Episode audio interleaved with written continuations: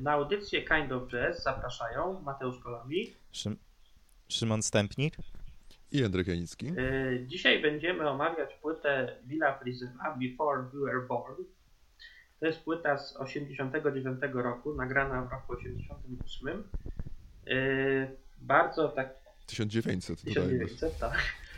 Bardzo, w bardzo ciekawym składzie, y, bo oprócz takiego słynnego kwartetu Billa Frisella, czyli Bill Frisell, Jay Baron, Bill Frisell oczywiście na gitarze elektrycznej, Jay Baron na perkusji, Hank Roberts na wiolonczeli, Kermit Driscoll na gitarze basowej. Mamy tam jeszcze kilku muzyków z nowojorskiej sceny, takiej undergroundowej, awangardowej, między innymi Baptiste, Daga Wieselmana, Juliusa Hempfila, Petera Scherera oraz Arto Lindseya, taką też legendarną postać tej sceny undergroundowej nowojorskiej i Johna Zorna, który co prawda nie występuje na płycie, ale jest y, y, aranżerem szóstego utworu. Takiego bardzo też ciekawego. Y, no i właśnie, no, co to jest za, za płyta? No ja ją już wcześniej wspominałem, że, że namiętnie słuchałem w swoim czasie. Taka płyta trochę dla mnie formująca. Moim zdaniem bardzo ciekawa, właściwie trudna do uchwycenia, trudna do zdefiniowania Y, i taka postbobowa i, i, i elektryczna, y, rockowa też mocno, nawet hard rockowa ktoś by powiedział. Y, bardzo eksperymentalna, bardzo, bardzo taka eklektyczna i, i ekscentryczna, jak ktoś nawet napisał właśnie, że to jest intrygujący i, i kolorowy zestaw ekscentrycznej muzyki.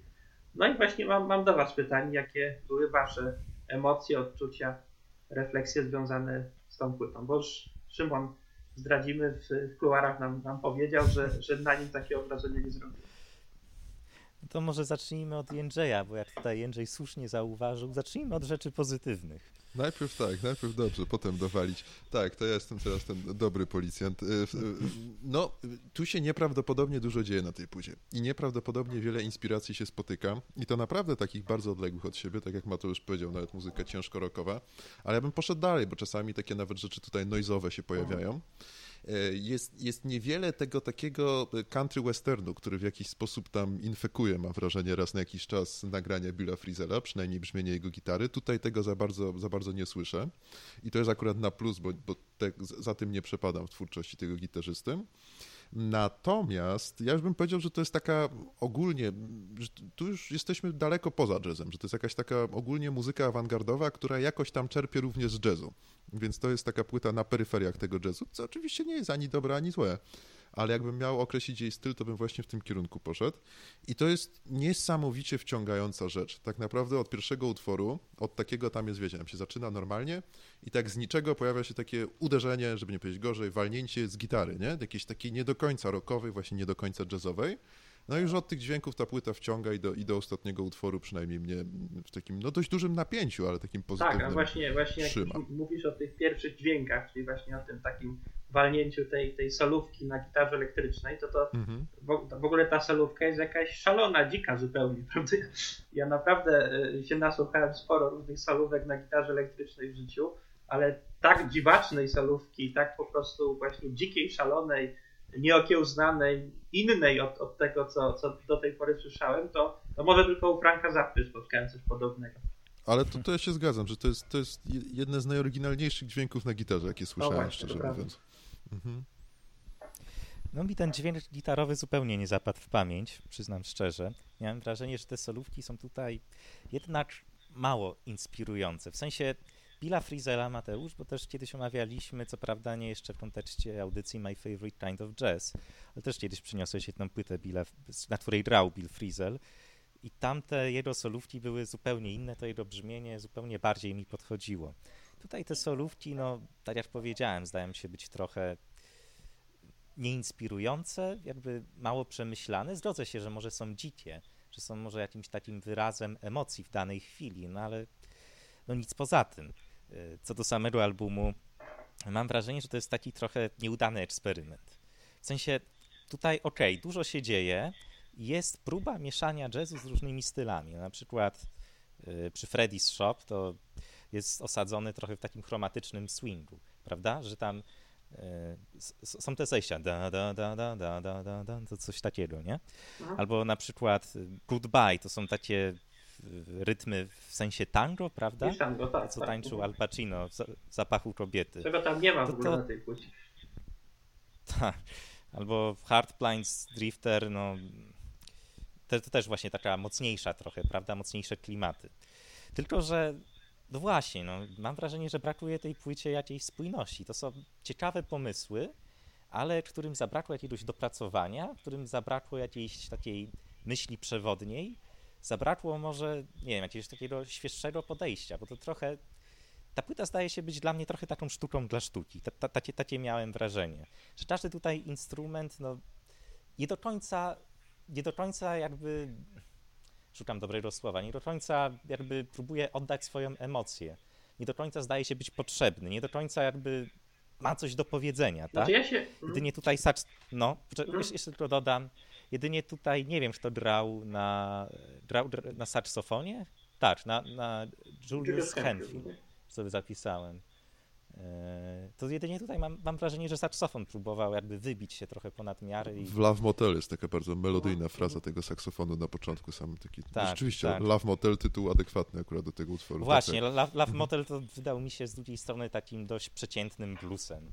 W sensie, och, napiszmy jakiś bluesowy utwór i pomieszajmy go z takim typowym, e, typowym free jazzem, ale będzie fajnie. No. Takie miałem no. wrażenie. No.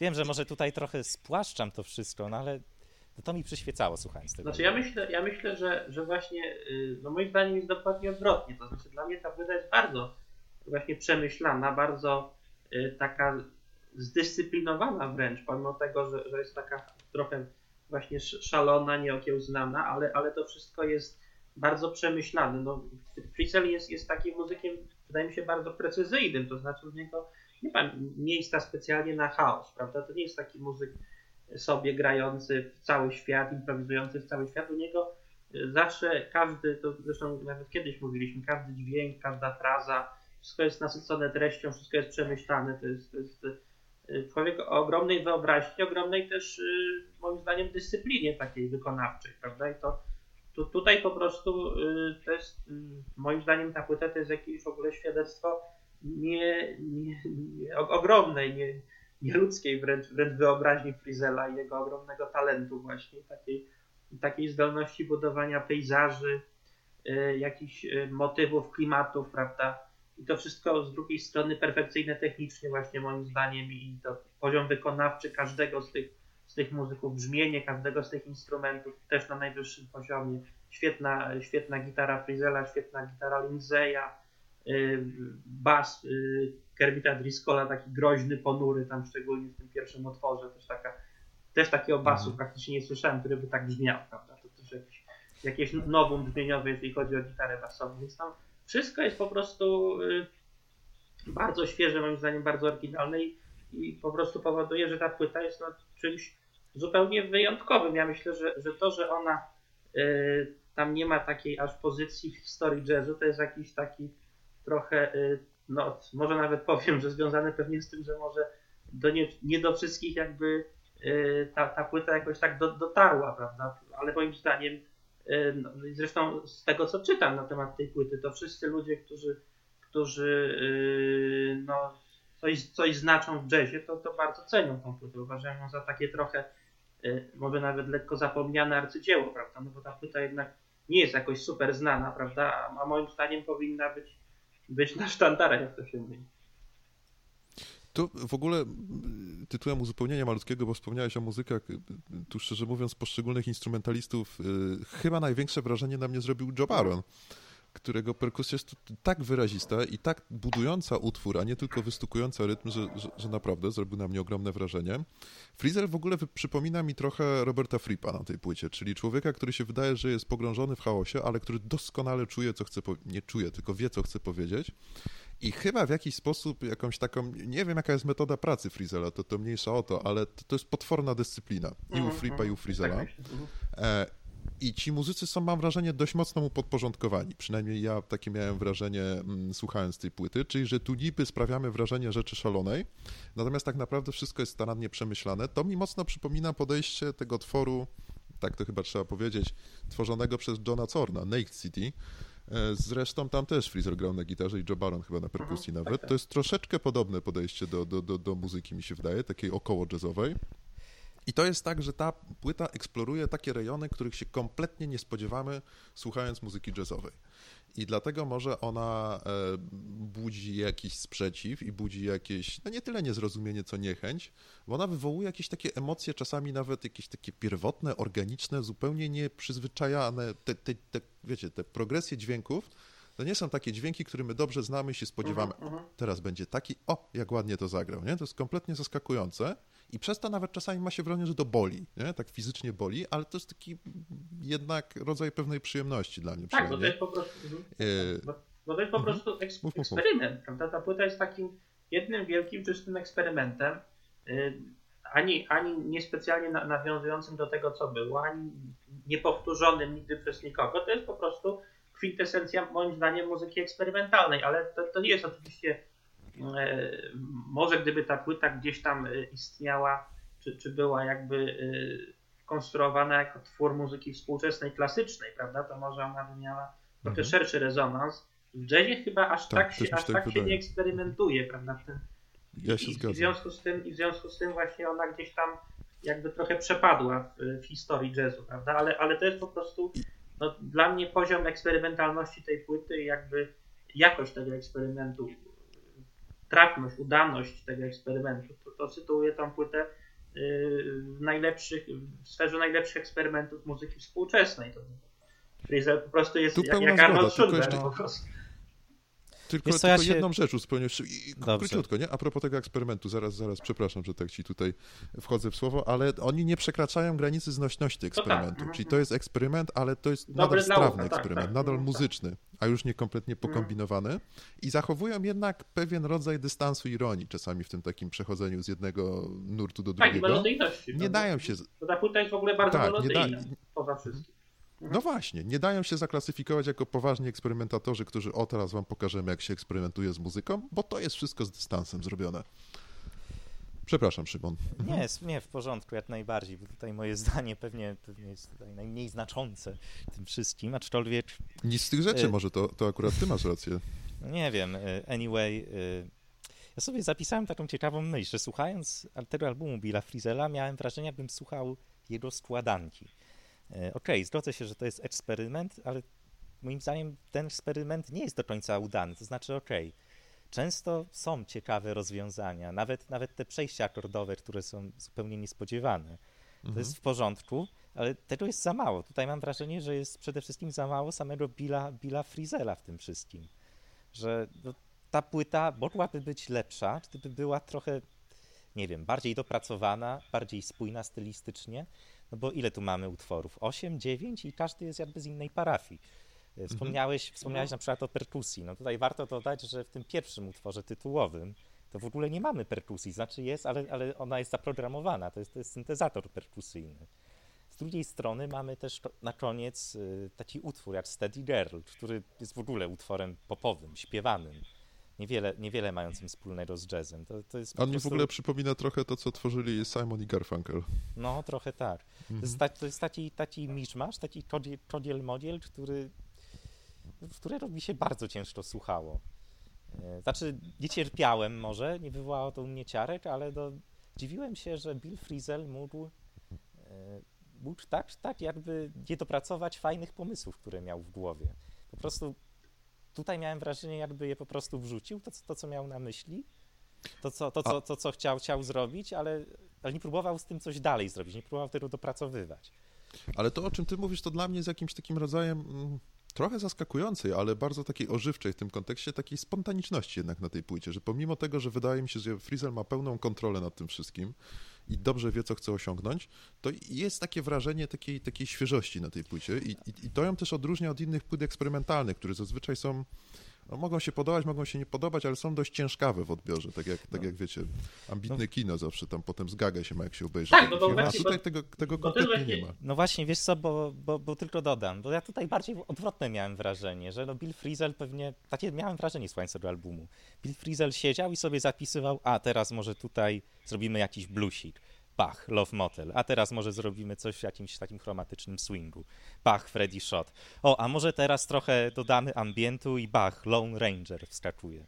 Nie, czyli po prostu mam wrażenie, że trochę na siłę jest zrobiony ten album. Znaczy, no ale no, przerwałem ci znaczy, Mateusz. Znaczy, jeszcze wracając do tego eksperymentu właśnie, ja myślę, że, że e, jakby to tak próbować ująć, co, co moim zdaniem e, powoduje, że ta płyta jest, jest bardzo dobra, czy jest taka dobra, to jest to właśnie, że ona e, łączy tą, znaczy, że ona jest eksperymentem, ale eksperymentem, który e, właśnie nie bazuje na, e, na jakichś atonalnych strukturach, tak jak, jak głównie te eksperymenty, czy jakimś, jakimś, jakimś bardzo dziwnym wykorzystaniu instrumentów elektronicznych, jak te współczesne eksperymenty muzyki, muzyki klasycznej, tylko właśnie to jest eksperyment, ale z, złożony, czy jakby zbudowany na tym, co, co się gra w takiej muzyce bardziej popularnej, zdecydowanie bardziej popularnej. Na przykład właśnie eksperyment złożony, czy, czy na, kanwie te, na kanwie takiego bardziej popularnego jazzu, bluesa, trochę country, trochę rocka, trochę hard rocka, nawet metalu, prawda?